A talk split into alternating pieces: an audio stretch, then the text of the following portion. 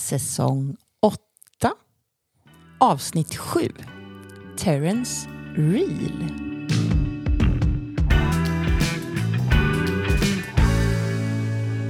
Det här är en lite nyare bekantskap för oss.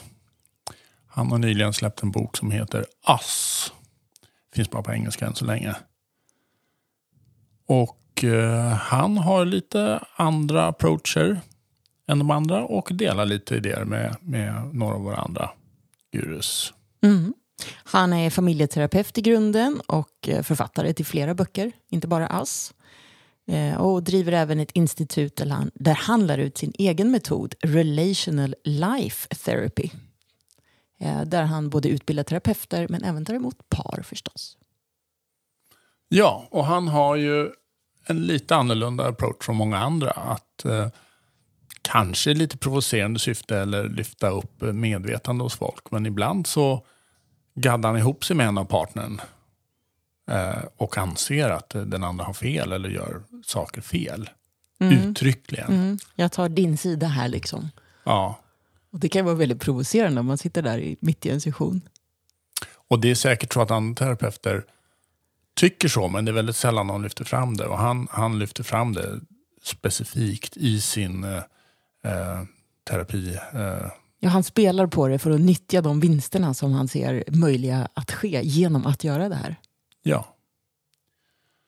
Vad gör han mer då? Boken heter ju Ass och det är lite grann en eh, stor grej för honom. Ja, han menar att vi ska vara medvetna kring att skapa Team We. Mm. Det har vi pratat om. Och nyckeln är ju också att inte bara vara Team We. Nej, men i We så är det ju individer. Men det räcker inte med att det bara är individer. Vi måste också skapa viet, teamet. Ja, och pratar han inte lite om att samhället har drivits mer och mer mot individualism och eh, individers eh, vikt i allting. Och då försöker han dra tillbaka det här lite grann. Glöm inte bort oss också mm. i par. Mm. Medan andra kan ju tycka att ja, men det är bara oss och inga individer i paret.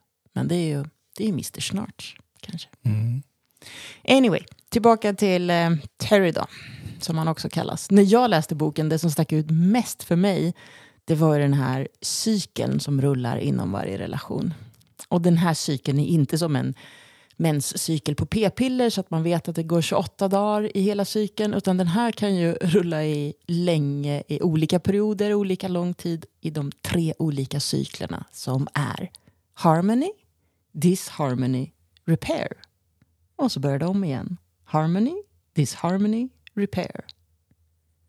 Ja, han menar ju att eh, det här är en cykel som pågår i, i borde gå, på, pågå i alla relationer. Mm. Eh, och varje fas har eh, olika lång tid. Och sitt uppdrag har varje fas. Ja. Så att det, han ser inte att det är problematiskt att man går in i en disharmonifas som sen behöver reparation. Tvärtom. Det är livsnödvändigt anser han för Mm. att eh, utvecklas Mhm. I relationen. Och är man då i en ganska ny relation, eller den kanske är ett par år gammal i alla fall och tycker att nu är det, det är alltid harmoni, det är alltid harmoni, det är alltid harmoni. Ja, men då kanske det är någonting som behöver skruva till det här så att ni får växa lite till. Mm. Men är det så att man har varit gifta i 40 år eller ihop i 30 år, ja, då kanske harmonifasen i den här cykeln är ganska lång. Medan när man kommer in i disharmoni så är inte den så lång längre. För att vi vet att vi snabbt ska ta oss in i repair. De har helt olika liv helt enkelt. Och, och sen kan det bli så att när man blir ännu äldre och, och det kan vara så att minnet börjar bli problematiskt för någon av partnerna. Då kanske det blir mer disharmoni igen. Alltså kommer in, eh, ålderssjukdomar kommer in och då, Mm. då kan det skapa friktion igen. Så Mm. det här eh, går fram och tillbaks genom hela livet. Men jag tänker att det kan vara ganska skönt, eller skapa ett lugn, om man vet att vi båda två är överens och tror på den här grejen, att det finns de här tre olika faserna i den här cykeln. Då vet man att okej, men vi kan ta oss till nästa fas och sen kommer det rulla på igen. Liksom. Men jag gillar också hur han kallar de här på ett annat sätt. Han kallar ju harmoni för att älska utan att veta. Han kallar disharmoni att veta och att inte älska. Och reparationen kallar han för att älska, veta och ändå älska. Mm. Det är lite spännande beskrivningar av hur han anser att faserna är. är. Ja, för i reparationen så är det så att jag vet det där om dig som jag inte tyckte om alldeles nyss i disharmoni. Men jag vet det om dig och ändå så väljer jag att älska dig. Det vill säga reparera. Så den gillar jag. En annan grej som vi eh, gillar starkt som är en del av hans eh, terapi, eh, relational life therapy, det är hur människor, eh, vad de befinner sig i.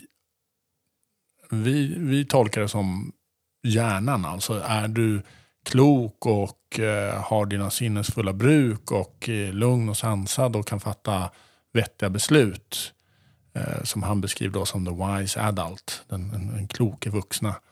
Och sen har han då eh, det som han använder eh, ordet the adaptive child, som är din, din inre lekfulla, tokiga, galna barn som fattar irrationella beslut och som har svårt att, att, att förstå logik. Som kan ibland både vara en belastning, alltså det här inre barnet, men även en tillgång. Han använder ju det här ibland. För det mesta ser man det som problematiskt att man hamnar i det här eh, barnets syn och har svårt att, att, att ta sig ur en konflikt kanske. Men ibland så, om man har kört fast så, så leker han lite med det här barnet också och, och frågar sig vad, vad, skulle barnet göra nu för att ta sig fast. Eftersom han anser... Inte ta sig fast, ta sig loss. Ta sig loss. Eftersom han anser att eh, barnet har färre spärrar som den har lärt sig. Ja, men den har ju tillgång till fantasin och kreativiteten. Ja. Som kanske den kloka vuxna inte alltid visar upp lika ja, nej, mycket Så av. han är inte helt kategorisk i, i, att man ska bara vara den vuxna hela tiden. Utan han, han använder det andra också. Och det här ser vi ju om man kan någonting om, om hjärnforskning och hormoner. Så kopplas det här ganska bra till vart man befinner sig i hjärnan egentligen. Mm. Så ibland pratar vi om hjärnan och, och de specifika händelser som sker där. Och ibland pratar vi kanske numera om Terrys sätt att beskriva det. The wise adult or the adaptive child. Och det är samma saker vi pratar om då. Precis. Vad har han mer lärt oss då? Ja, men jag tror att det är de här grejerna som vi har just pratat om. The adaptive child, the wise adult.